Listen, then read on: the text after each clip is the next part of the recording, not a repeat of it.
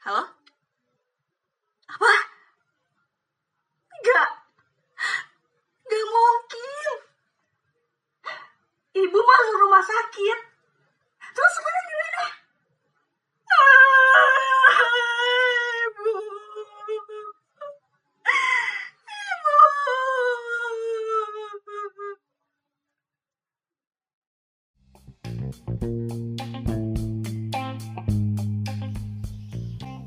Semuanya, selamat datang di podcast Kita Manusia.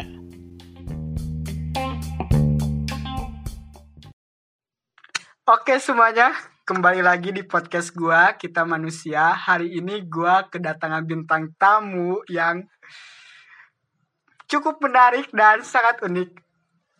Ini dia Widiana Amini. Halo Widi. Halo. Gimana kabarnya ya? Hmm, baik aja sih. Ya, setelah akhirnya setelah banyak drama yang kita lalui ya, bener gak sih? Eh, Belum apa sih? maksudnya akhirnya kita bisa podcast juga. Kayak lo inget gak waktu dulu dulu tuh sebelum corona kita udah emang sempat kepikiran gitu. Gue ngajak Wid bikin podcast yuk. Eh, kayak berargumen kayak perspektif kita terhadap satu topik itu gimana sih? Lo inget kan sebelum Hmm. corona? Tapi karena waktu itu lo ada acara sekolah ya eh pisau fair atau apalah sehingga lu sibuk. Akhirnya gue juga kan harus ke Bandung lagi buat eh, kuliah. Dan dan a- pas waktu ini juga kan kita ba- banyak drama gitu loh. Kayak waktunya gak cocok kayak eh, gue siap lu nya lagi ada keperluan. Gue lagi free lu nya eh sebaiknya lah. Pokoknya gitulah banyak Iya. drama tapi akhirnya kita bisa berbagi cerita dengan Widi Lu saya sibuk. Mantap sih, gokil banget ini teman gua Widi Widiana. Gue manggilnya apa nih di sini? Widi aja ya. Iya, beda aja. Widi, Widi. Iya. Gua kenal Widi itu kebetulan udah lama sih dari SD ya. Kebetulan satu kelas juga dari SD. Tapi SD itu gue sama dia gak terlalu deket gitu. Iya bener eh, kayak ya sekilas aja lah tahu nama cuman kita nggak pernah kayak sharing atau ngobrol bareng gitu soalnya eh waktu SD tuh kayak semacam kita masih nyaman sama lingkaran pertemanan kita aja sendiri gitu kita nggak perlu bukannya nggak perlu maksudnya buat apa gitu kalau nggak perlu-perlu amat nanya, Ya. nanya ke orang Ya gitu. benar benar benar. masih kayak introvert ya benar sih. Ngomong-ngomong nih, gua eh, sama Widi tuh dulu pernah ikut lomba puisi. oh iya bener Bener kan? Kita nge- ngewakilin SD kita sendiri. Tapi apa sih Wid yang ngebuat lo suka sama puisi waktu itu? Iya sih kayak gini ya. Kalau udah baca puisi itu banyak makna-makna tersirat dari sebuah puisi dari, dari kata-katanya juga kayak kita belum pernah kenal nih ini maksudnya apa sih kayak nggak nyambung gitu ya Iya iya. eh, bait per baitnya cuman saya yakin gitu kalau misalnya dalam sebuah puisi itu terdapat makna tersembunyinya dia punya jati dirinya yang Hmm. menjelaskan bahwa di balik puisi yang cuma satu bait tiga bait itu pasti ada cerita di Di baliknya oke. bahkan ceritanya bisa sampai berlembar-lembar halaman lah kalau Iya, diceritain iya, gitu Dan rata-rata juga ceritanya mungkin memotivasi, Iya, menginspirasi benar-benar. juga kan. Hmm, Jadi eh, ya itu eh, apa ya bermanfaat lah sa- Mm-mm. buat kehidupan kita. hal yang baik gitu. Iya. Eh tapi lu suka karya karya siapa sih di puisi? sejujurnya waktu SD itu belum terlalu mengenal ya puisi-puisi dari para seniman gitu Oke. mungkin karena keterbatasan media informasi Iya benar. eh, kita kan belum bukan belum kenal kayak belum familiar lah Iya, iya. belum familiar sama yang namanya internet media sosial gitu ya Hmm. waktu SD tuh dan saya pikir yang saya tahu itu WS Rendra sama Hiril Anwar Oh iya iya. iya. dan ya sampai sekarang saya semakin dulu ya eh, mendekati eh, lebih dekat gitu ingin lebih dekat dengan dunia sastra Oke. jadi saya lebih banyak mencari lagi menggali lagi ya informasi-informasi tentang kesusastraan di Indonesia dan akhirnya saya juga eh, sa- sampai sekarang mengkoleksi buku-buku dari para seniman itu Oke. Tapi apa sih yang ngebuat lo suka sama kayak Wes Rendra sama Hairin Anwar? Nah, eh, mereka berdua itu kan hidupnya di zaman penjajahan gitulah Hmm, iya, iya. dan dari karya puisinya itu banyak diadopsi ke buku-buku pelajaran di sekolah. Nah, makanya mereka tuh terkenal di sekolah nih di kalangan Hmm. anak-anak SD gitu. Hmm. Soalnya buku bu eh, puisi-puisi yang mereka ciptain itu dimasukin ke buku pelajaran sekolah dan anak-anak jadi banyak yang baca nih. Dan Hmm. isi dari puisi mereka itu kan menceritakan tentang ke masa kelam lah intinya. Masa Oke, kelam bangsa Indonesia oke. dan waktu penjajahan itu kan Oke.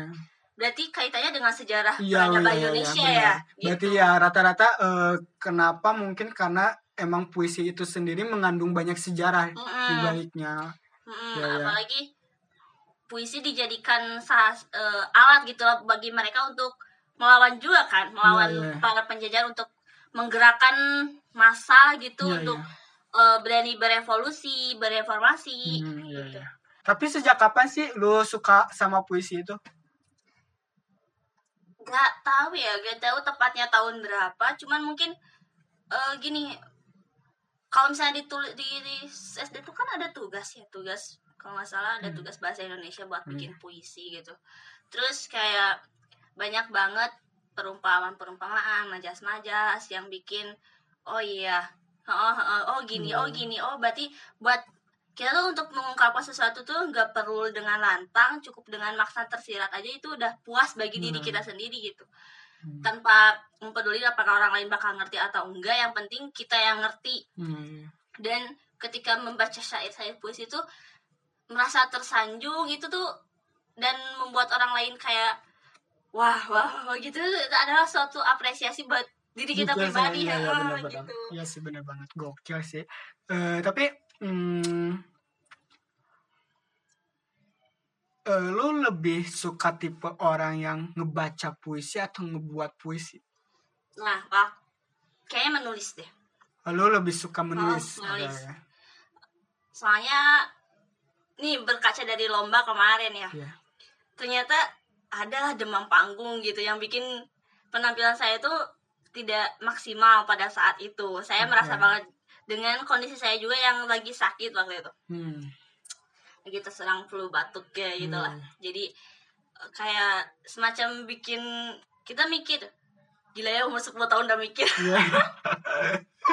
Gila. Tapi keren sih, banyak jarang gitu eh, siswa-siswa ya di umur 10 tahun udah mikir yang kayak gitu. Benar gak sih? ya ya kayaknya enggak juga sih benar Iya.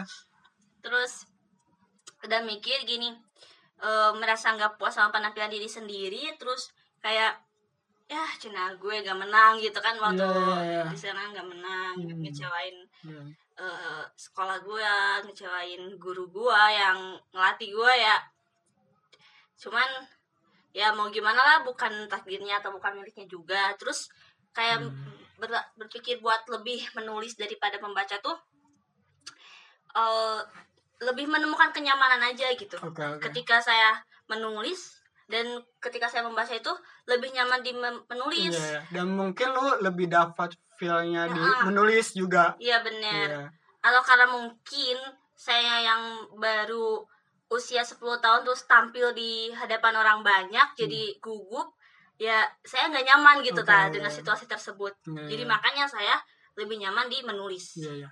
Tapi lo bisa menganggap itu sebagai penemuan jati diri gak sih? Maksudnya lo udah mencoba nih membaca puisi, ternyata gak cocok. Ya udah ini bukan jati diri gua, sehingga gue menemukan hal yang baru dan gue cocok. Ya berarti inilah jati diri gua. Mm, mm, Iya bisa bisa dibilang gitu sih eh, dan eh saya masih ingat waktu kelas 6 SD tuh saya coret-coret di buku ya masih ingat Iya. banget tulisannya saya ingin menjadi penulis Gak Serius? tahu, serius Iya. di halaman buku paling depan waktu saya baca lagi saya ingin menjadi penulis lah tapi itu tuh kayak semacam cita-cita apa ya cita-cita acak gitu nggak random Hmm, gitu ya Random ya, ya. Cuma ya. asal nulis gitu. nulis gitu. cuman ternyata saya menemukan kenyamanan tersebut untuk menulis Hmm. mengarang-arang cerita fiksi cerpen Hmm. saya juga lakuin itu Iya. gitu. Ya tapi lo masih inget gak cerita lucu waktu kita lomba puisi SD? Tuh yang salah hari lo inget gak harusnya kita tuh kalau gak salah nih ya harusnya kita tuh di hari Selasa tapi kita datang di hari Senin dengan udah pakaian udah, udah rapi. Itu kocak sih gokil banget. Itu pengalaman. Kita datang ke sekolah udah persiapan pakai kostum. Ternyata salah hari gitu. Tapi tak kenapa kan gue yang datang ke rumah lu ya? Ya lo nyamper gue. Iya, tapi entah kenapa gitu gue terlintas aja gitu. Ya udah sekarang gue lomba puisi pada hari esoknya. itu ngakak sih. dan gue paling nggak tahu apa-apa itu pada saat itu gak lo ada datang ya udah gitu gak gak inget gitu Iya. jadwalnya kapan Ya intinya kita sama-sama gak tahu jadwal lah, jadwal yang pasti. Karena lu juga ke bawah sama gue, sedangkan gue kayak mempercayain ya udah hari ini gue hari ini gue tampil gitu pada sehari tapi itu gokil sih itu lo tau gak memori yang gak bisa gue lupain sumpah bener-bener kejadian juga anjir Iya ya. Hmm. Itu kan berarti bisa dibilang lah puisi itu kehidupan lu waktu SD. Bisa bisa Kalau tapi SMP sampai sekarang juga masih deh oh masih. Masih oh masih masih. Eh SMP masih lo. masih masih Oh, nah terus SMA nih. Setahu gua lu di SMA juga ikut salah satu lomba monolog. Yes. Di mana lu wakil juga kan? Wakil provinsi bener gak sih? Bener, lu ma- sampai masuk nih lu sampai masuk provinsi eh, eh, mewakili Jawa Barat bener gak bener bener untuk lomba monolog tingkat nasional itu keren sih gokil gokil parah sih Edan apa waktu itu gimana sih ceritanya lu bisa sampai eh, ngewakilin Jawa Barat lomba monolog? Dan itu dia. Coba-coba doang. Hmm. awalnya dari coba-coba. Eh waktu SMP tuh ada ekstrakurikuler kan Hmm. Gue ikutan ekstrakurikuler seni kesenian buat gamelan dan seni tari gitu ya. Hmm. seni musik dan seni tari. Dan eh gue rasa pada saat gue main musik atau main eh, lagi nari ya Hmm. emang gue nyaman nyaman di kudonya juga nyaman cuman gue nggak bisa improve kayak gue nggak bisa Hmm. ngasah diri gue Seba- sejauh mana sih sebaik mana sih gak bisa tuh Hmm. kayak menciptakan musik tuh paling susah deh Hmm. kayak menurut gue menciptakan musik tuh Iya. susah banget gerakan tarian juga eh, gak expert lah terus kayak bingung lah mandek gitu ya dari sana mandek terus masuk ke SMA tuh di daftar ekstrakurikuler ada ya seni teater Hmm. nah gue mau nyoba nih seni Hmm. teater kayak gimana gitu Iya, iya. vibe-nya tuh gimana iya, iya. soalnya belum familiar Iya, iya. belum ngerti lah gitu ya dari kehidupan saya sebelumnya dan terus ketika seni teater mulai menjalankan ekstrakurikulernya ya saya berarti oh ya begini experience-nya gini gitu. Hmm. dan pada saat itu ada yang namanya FLS 2N Festival Lomba Seni Siswa Hmm, Nasional oke. yang diselenggarain sama Kemendikbud. Nah, dari sana eh pembimbing, pelatih sekaligus pembina dari seni teater tuh nyuruh ngadain seleksi ya, seleksi di Oke. tingkat sekolah dulu. Dan saya nyuruh saya buat ikutan. Nah, ya udah saya ikutan. Karena pilihan dari lomba itu ada dua ya, Eh, Hmm. satu baca puisi dan yang kedua teater monolog. Monolog. Nah, karena pengalaman baca puisi Puisi waktu udah banyak gitu ya lu pengen eh, apa sih mencoba hal yang baru coba dong gue pengen eh, favorit lu main monolog di mana lu mau memainkan skala eh, emosi itu sendiri Duh, lupa lagi naskahnya. Lupa asli, Iya, asli boy. Eh, kalau lu lupa ya udah lu bikin aja dialog baru tapi lu skalanya emosinya gitu Gue mulai dari adegannya ini aja dah. Hey Aswin, lo tuh jadi editor gak becus amat sih? Masa lo nyetak 1000 x 4 buku salah semua sih? Lo tuh gak mikirin ya, klien gue tuh marah-marah ke gue. Gue yang disalahin. Lo tuh gimana sih? Hah? Gak becus amat. Pokoknya gue gak mau tahu ya. Dalam waktu tiga hari ini lo harus beresin itu pekerjaan lo dan lo harus store ke gue 1000 exemplar tersebut. Ngerti nggak lo?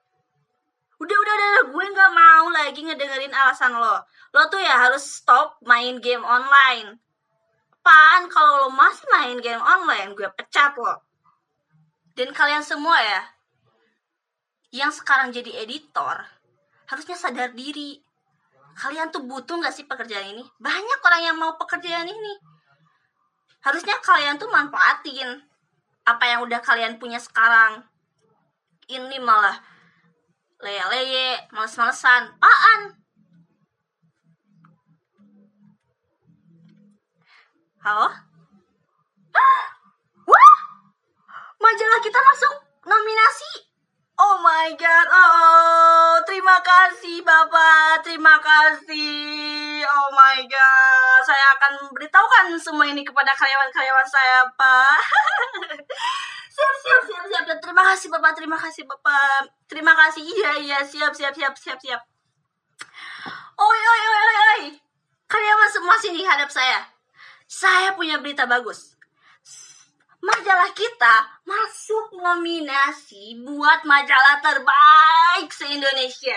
Bayangin, ini tuh semua berkat kerja keras kalian dan saya apresiasi atas semua kerja kerja keras kalian semua.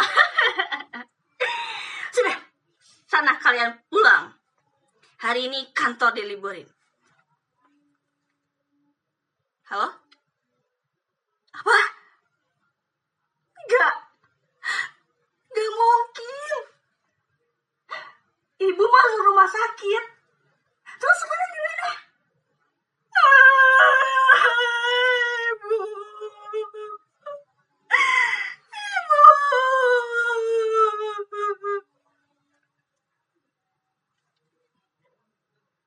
Kalian tahu berapa betapa berharganya ibu bagi saya?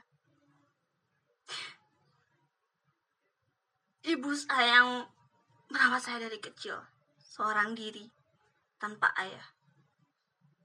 Dan sekarang, setelah kesuksesan saya, ibu saya meninggal. Untuk apa kesuksesan saya ini? Hah? Dah? Hebat sih gokil parah anjir sumpah. Gue tau gak itu? Parah anjir Edan. Gue bangga banget lo sumpah. Lo, lo tau gak? Itu bener-bener anjir. Gue merinding loh, sumpah. Keren banget anjir. Apa sih? Tapi lo tau gak? gue. Yang gue dapet nih ya dari mulai gitu. Dari sisi lain gue kayak yang lu mainin itu juga ada something yang kayak sindiran gitu gak sih? Maksud gue sindiran ke orang-orang yang sifat orang tuh ya kayak gini. Di mana yang tadi lo, lu marah-marah nih karena editornya gini gini gini. mm-mm. Eh taunya karena lu marah-marah akhirnya si editor bisa kerja keras, akhirnya masuk nomin nominasi ya. Ah, ya Dan benar-benar. nominasi dan lu bisa berubah pikiran gitu loh. Ngerti gak sih? Mm, Itu kayak sindiran banget sih. mm, bener. Bener Jadi ya? eh, di sana tuh ya udah ketika oke eh, saya sebagai bos di direktur waktu mendapati editornya tuh melakukan kesalahan ya saya marah-marah gitu Hmm. karena kan memang itu tuh langsung dek dek dek Iya, gitu iya. kamu malas kamu malah main game online itu kan Hmm. terjadi gitu di kehidupan Nyata. nyata Iya. sehari-hari kita terjadi banget dan ketika kita mendapatkan sesuatu yang berharga dan saya juga tidak lupa bahwa ini juga berkat kerja keras mereka gitu Iya. saya sebagai direktur juga eh, menghargai mengapresiasi atas kerja usaha mereka Iya, gitu bener-bener. dan ketika saya mendapati bahwa ibu saya meninggal saya jadi merasa apa sih kesuksesan ini gitu Iya, lah iya. nah gitu Iya, Iya. bener. Dan itu relate banget sih Relate sama banget. kehidupan. emang gini ada satu seniman teaterwan yang bilang bahwa teater adalah proses dari kehidupan yang dikembalikan lagi ke dalam kehidupan. Hmm. Nah.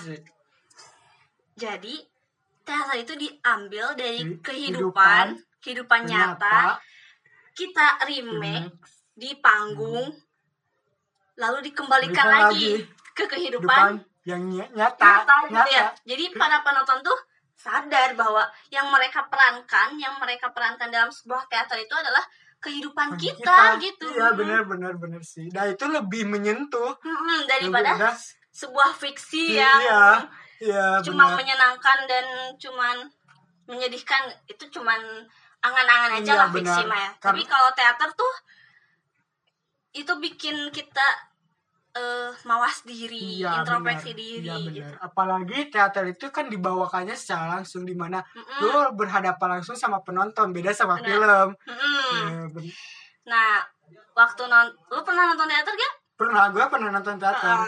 Malah gue pernah jadi pemain teater. Maksudnya gue waktu itu ada pertunjukan apa ya eh, satu matkul semester satu dramaturgi tugas akhirnya itu bikin pertunjukan teater gitu sih dan gue itu untuk pertama kalinya gue tampil di layar maksudnya di Ah. depan layar Heeh, di depan. Iya, gue sebagai pemainnya itu pertama kalinya sih karena eh, sebelum-sebelumnya gue kan baru eh, apa ya sebelum-sebelumnya gue m- di belakang layar lah. Tapi Mhm. untuk pertama kalinya gue waktu itu mencoba sih dan gue nyaman banget sih jadi Mm-mm. di depan layar gitu sih. Dan bayangin kalau misalnya dalam teater itu ada adegan tonjok-tonjokan. Itu tuh lebih ngeri daripada gue lihat di film gitu. Iya benar. Soalnya kan itu tuh mau gak mau emang harus kena gitu. Iya, kalau nampar ya kena gitu gitu tuh. Iya benar. Emang harus jadi konsekuensi lah. Para Iya, pemainnya bener. juga udah ngerti gitu. Iya, kalau iya. kena tonjok ya ditonjok beneran. Iya gitu. benar benar benar. Dan gue waktu itu dibilang sama dosen kalau lu mau main teater jangan jaim gitu. Mm-mm. Lo harus benar-benar melepaskan diri lo Heeh. Buat peran yang lo Iya, yang mainin. benar iya jangan jaim-jaim untuk melakukan sesuatu Ya bener lah. Waktu gue monolog nih. iya sebenarnya itu bukan sisi gue yang marah-marah gitu ya bukan sisi gue gue biasanya kalau marah tuh lebih ke banyak diem Hmm. kalau di kehidupan nyata gue cuma orang gue harus cuman gue harus marah-marah demi penampilan yang baik gitu. Iya iya. Terus juga dari segi penampilan dress kostum Hmm. bukan keseharian gue banget gitu. Iya, iya, iya. dan ketika gue pakai itu eh apa ini cuman gue bersifat profesional Iya, aja. Iya. tapi pada saat itu tuh menang nih mewakili SMA lu hmm. lu nyangka gak sih bisa ny- sampai menang kagak kagak banget lah saya tuh cuma latihan tujuh kali gladi bersih lah kehitungnya Hmm. tujuh kali gladi bersih lo latihan otodidak atau dilatih ya pertamanya sama pelatih itu Oke. langsung kayak belum belum punya bekal apa apa nih Hmm. langsung aja hajar hajar gitu Hmm. dua kali yang dilihatin sama pelatih nah yang sisanya itu gue belajar sendiri di rumah terus dilihatin sama temen gue aja gitu Hmm. dan waktu pas malam-malam ya sebelum paginya itu lomba Hmm. eh, gue masih rehearsal buat latihan itu Hmm. saya yang paling ditakutin itu lupa naskah Oke. takut lupa naskah Iya, gila karena banyak juga kan dialognya empat lembar Iya, itu empat lembar terus kayak padet banget ya Hmm.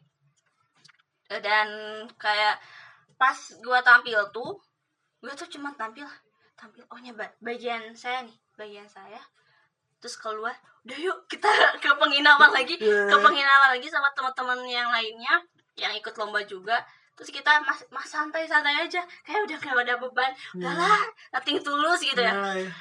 nah pas pengumuman kejuaraan itu gue nggak dateng Hmm. yang semua juga nggak pada ke sana lagi gitu nggak pada ke ke lokasi lomba lokasi lagi ya. lomba Hmm. lagi yang ke sana tuh cuman pembimbing aja. Hmm. dan ketika dia ke penginapan alhamdulillah kita dapet eh, yang ke satu eh, Widya ya selama sih itu monolog. Mantap. Kayak kayak kayak hah Cete? serius lu serius Cete? lah eh, dari mereka juga pada nggak Iya, percaya iya. ya. Yang semua juga per- nggak percaya. Tapi ya mau gimana lagi? Padahal ada nih s- temen yang lomba nyanyi "Ah, monolog ah eh, biasa aja yang monolog lah nanti ya Cina ganti aja sama saya gitu sampai Iya, gitu iya, iya. Tapi eh, terus akhirnya lu bisa mewakilin Jawa Barat nih provinsi. Hmm. Lu pasti bener-bener gak nyangka banget kan? Lu pertama kali apa sih yang lo rasain? Lu ngebawa provinsi.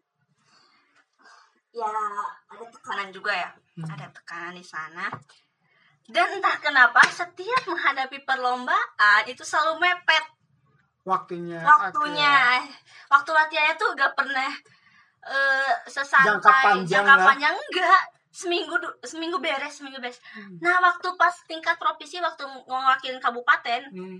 itu saya ingat pas diselenggarain pas udah lebaran Idul Fitri dan saya cuma latihan dua hari. Dengan naskah yang berbeda?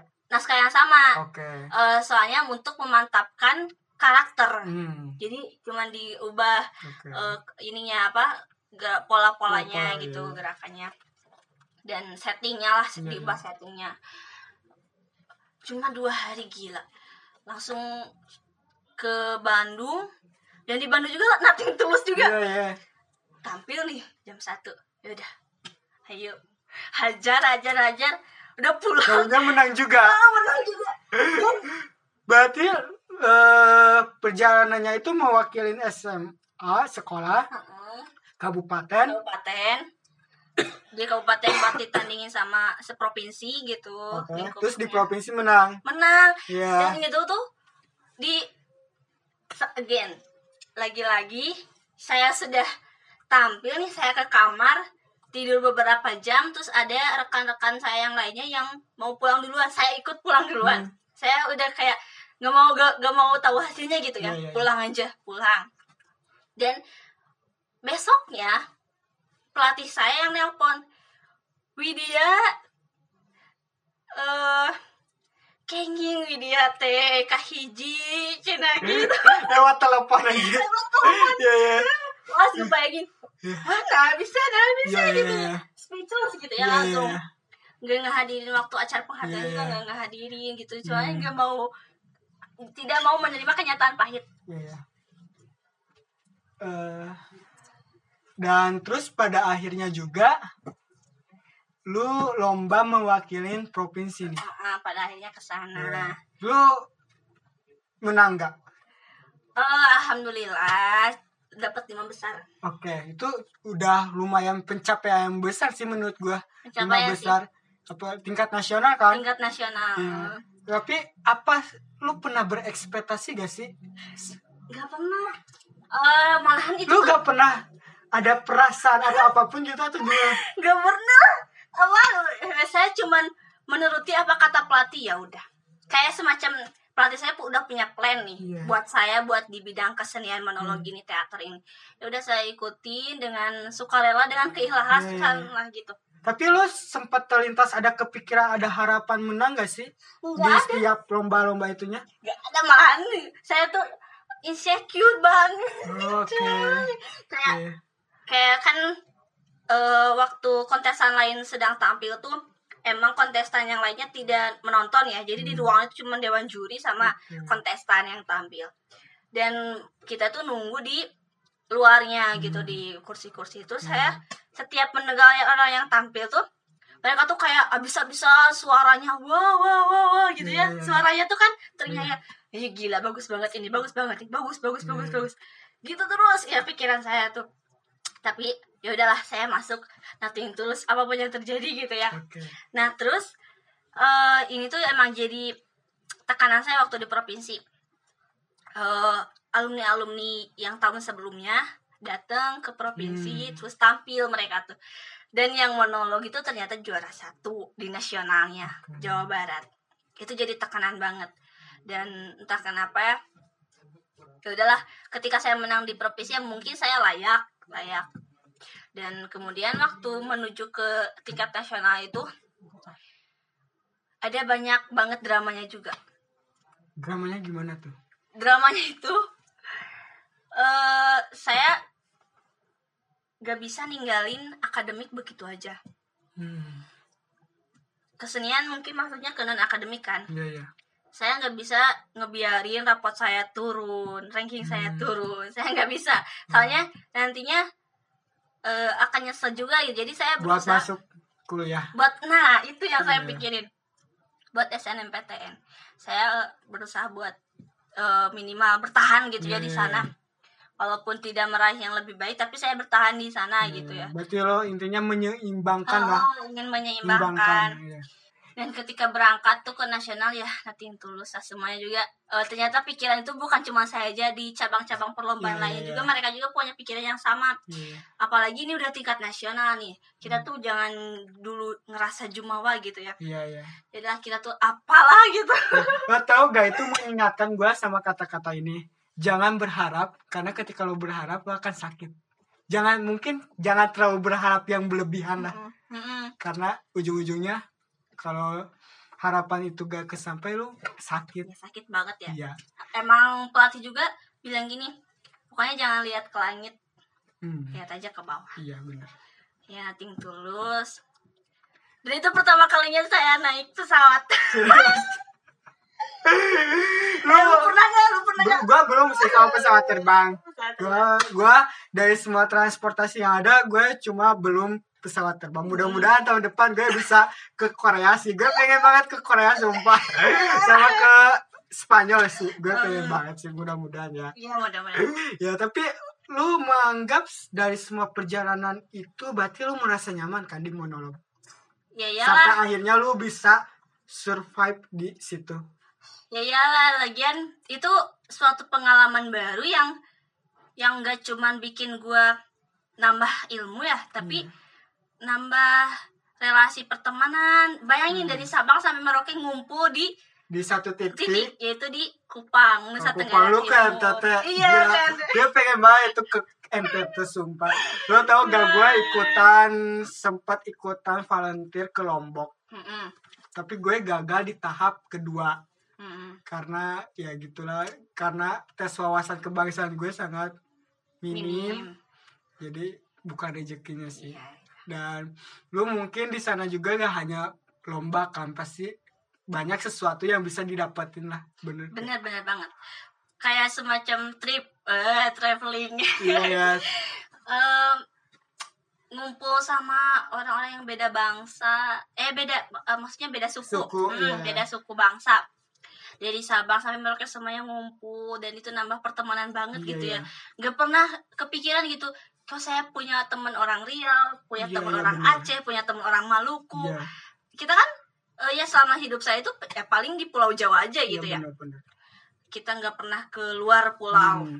Lo tau gak eh, sekarang aja nih ya gue kuliah gue berada di lingkungan-lingkungan yang beda meskipun perbedaannya gak sebanyak lo waktu ngumpul di satu titik Hmm. dari Sabang sampai Merauke tapi gue di lingkungan kampus tuh kayak gue semakin terbuka gue semakin open minded gue semakin bisa melihat sesuatu gue semakin bisa melihat dunia dari perspektif yang berbeda exactly apalagi lo yang dari Sabang sampai Merauke Iya banget. itu kayak semakin semakin terbuka sih menurut gua kayak terhadap sesuatu perspektif Ya iyalah. kita agak minim pengetahuan bener gak sih Hmm, pengetahuannya jadi luas. iya Pertemanan luas, Luas, pengetahuan jadi luas. luas. Hmm, dan itu udah sih klop banget itu poin bonus, poin plusnya aja. iya dan masalah benar juara satu atau dua itu bonus. benar benar benar karena gak semua orang bisa dapetin itu lo tau gak itu. kemenangan yang paling sempurna itu itu Pengalaman. eh kemenangan yang paling sempurna itu yaitu pengalaman Pengalaman. itu Nah, yang paling iya lu beruntung banget menjadi salah satu yang terpilih di antara mereka Hmm, hmm, hmm. lo tau gak gue pernah dengar di satu kata kalimat kayak lu berada di lingkungan itu lu berada di lingkungan orang-orang yang keren orang-orang yang hebat berarti lu sama hebatnya dengan mereka. Lu Iya. bisa terpilih di eh, nasional karena dewan juri. Heeh. dewan juri aja bisa ngelihat kehebatan lu. Apalagi diri sendiri Oh bener gak sih? Bener gak sih? Gue karena gue gue gue menganggap kuliah juga kayak gitu. Anjir gue sekarang ada di UPI gue masuk film dan televisi gue gak boleh insecure nih gue gak boleh eh, gue harus percaya diri apa yang gue lakuin. Hmm. untuk mengejar cita-cita gue karir gue. Karena gue berada di lingkungan orang-orang yang hebat gue berarti gue juga sama hebatnya. Unit aja bisa melihat kehebatan gue lewat S- SBMPTN Iya masa gue sendiri sendiri gak bisa gitu ya ngelihat kehebatan gue? Ya bersyukur aja lah ya. iya tapi emang sih jangan dijadikan kehebatan itu sebagai ego Kesombongan gitu sih. Iya. kita harus sadar diri kalau ya kita gak boleh egois sih. Mm-mm. gak boleh sombong. Ya itu bener emang rezeki yang ya belum gak pernah dibayangin gitu. Iya. Apa pun yang terjadi dalam hidup kita itu suatu ke- kebetulan cuman kebetulan ini tuh udah direncanain sama Tuhan dan emang kita layak buat itu. Iya bener. Dan dan kita sebagai manusia ya buat apalagi buat ngerasa merasa tidak cukup tidak cukup. Iya bener. Padahal itu tuh apa ya berunt keberuntungan banget iya gitu. bener. Dan yang harus kita lakukan adalah mengembangkan. Mm-mm. benar-benar mengembangkan bakat itu yang udah diberikan sama Tuhan nih. Kita mengembangkan kita pelajari dan kita berbagi sama orang lain atas Iya, bakat kita keren sih hebat banget. Tapi lu emang di keluarga lu keturunan seni nih atau gimana? Gue juga nggak punya keturunan dari darah seni itu. Lagian eh, gue bukan salah satu orang yang percaya bahwa apa yang terjadi dalam kehidupan gue itu adalah apa yang terjadi di kehidupan gue sebelumnya. Misalnya di keluarga gue gimana Oh, gimana. ya paham paham. Gue nggak terlalu percaya sama hal itu karena kayaknya kenyataannya tuh setiap orang punya nasibnya masing-masing kok. Iya, setiap orang punya skenario hidupnya masing-masing gitu. Iya. dan ketika gue punya passion di kesenian sementara di keluarga gue nggak ada ya berarti ini anugerah gitu. Iya benar. Kita sebut sebagai anugerah, anugerah. Dari Tuhan. Iya benar. Dan mungkin anugerah Tuhan untuk orang tua gue adalah mungkin di pekerjaan mereka yang sekarang. Ya bapak saya sebagai pegawai negeri ya udah gitu. Itu Iya, anugerah iya. mereka. Benar. Mereka bisa sampai ke tahap sana juga adalah suatu hal yang mungkin orang lain juga sulit buat mendapatkan hal iya tersebut. beliin itu. Keren banget sih. Lu udah hidup nih di kesenian. Udah lama lah sejak S sejak SD lu udah mengenal puisi sampai akhirnya lu mengenal monolog. Dan lu bisa dikatakan gak ada titik gagalnya di awal-awal. Paham gak sih maksud gua? Lu men- Hoki banget ya. Iya hoki. Lu beruntung banget sumpah.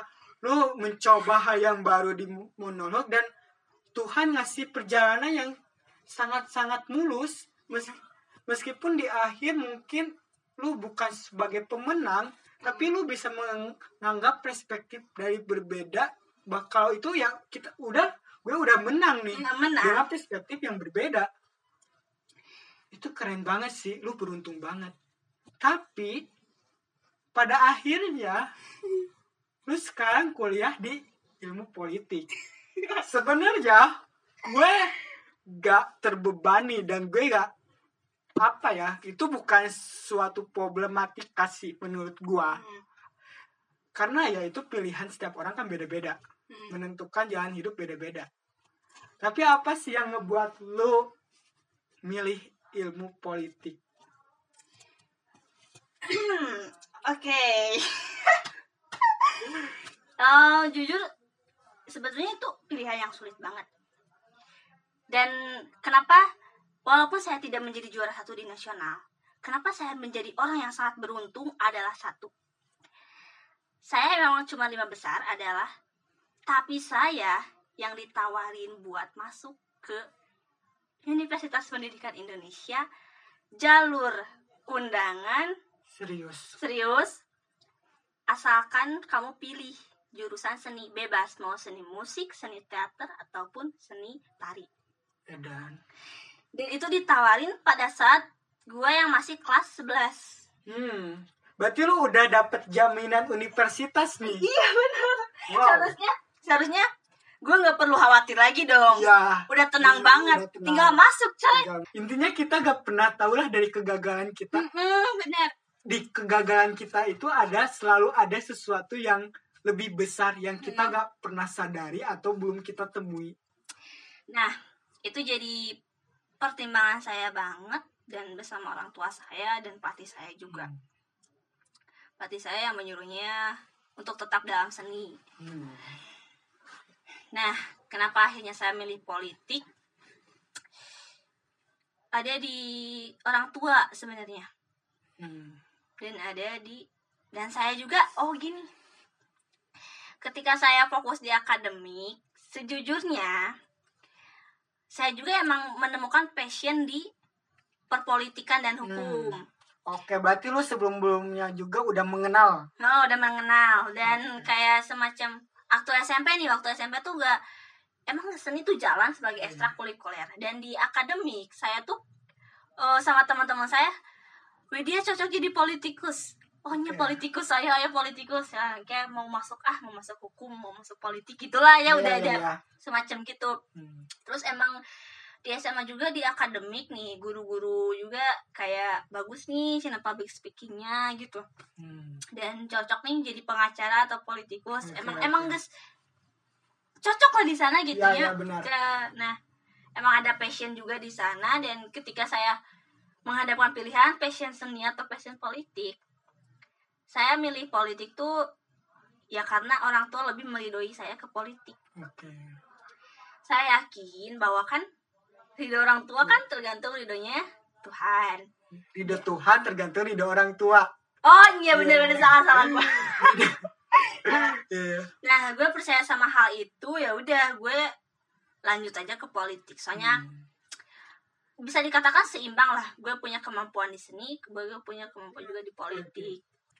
Dan eh gue juga udah mulai tertarik lagi ke dunia filsafat politik. Dan itu Hmm. yang paling gue mantep buat ke politik tuh mempelajari filsafat Filsafat. politik. Iya, Hmm, bener sih. filsafat. Gue juga sangat-sangat tertarik sih sama filsafat. Apalagi gue kemarin ada satu pelajaran creative thinking kan. Gue pikir ekspektasi gue ya ya udahlah cara kita berpikir tuh metode belajarnya gini-gini. Ternyata gue diajari filsafat. Hmm. di mana gue baru nyadar sekarang dengan gue belajar filsafat gue akan semakin open minded nih Iya lah bener. bener. sehingga pas gue buat cerita untuk film juga ya gue bisa membuat cerita yang bagus gitu Inspirasinya dari filsafat. Iya. keren sih kan Lo tau film Thor? Thor, Thor. Marvel Hmm, Marvel. gue tahu tapi gue gak belum pernah nonton itu tuh cerita dari si Thor itu ngambil dari filsafat coy hmm.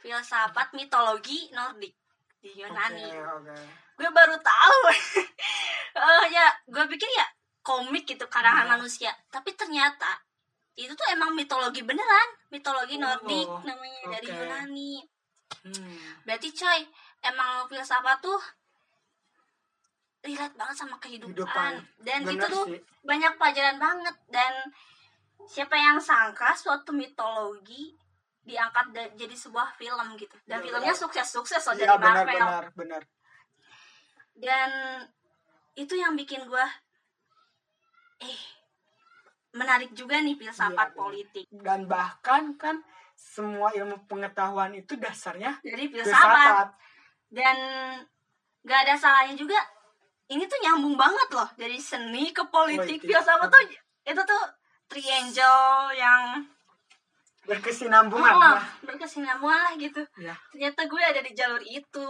iya iya iya. selama ini. Cuman ya proses umur gitu lah. Jadi belum tahu nih dulu dulu ya. Iya, iya. cuman ada yang- apa yang ada di hadapan kita ya kita ajar gitu.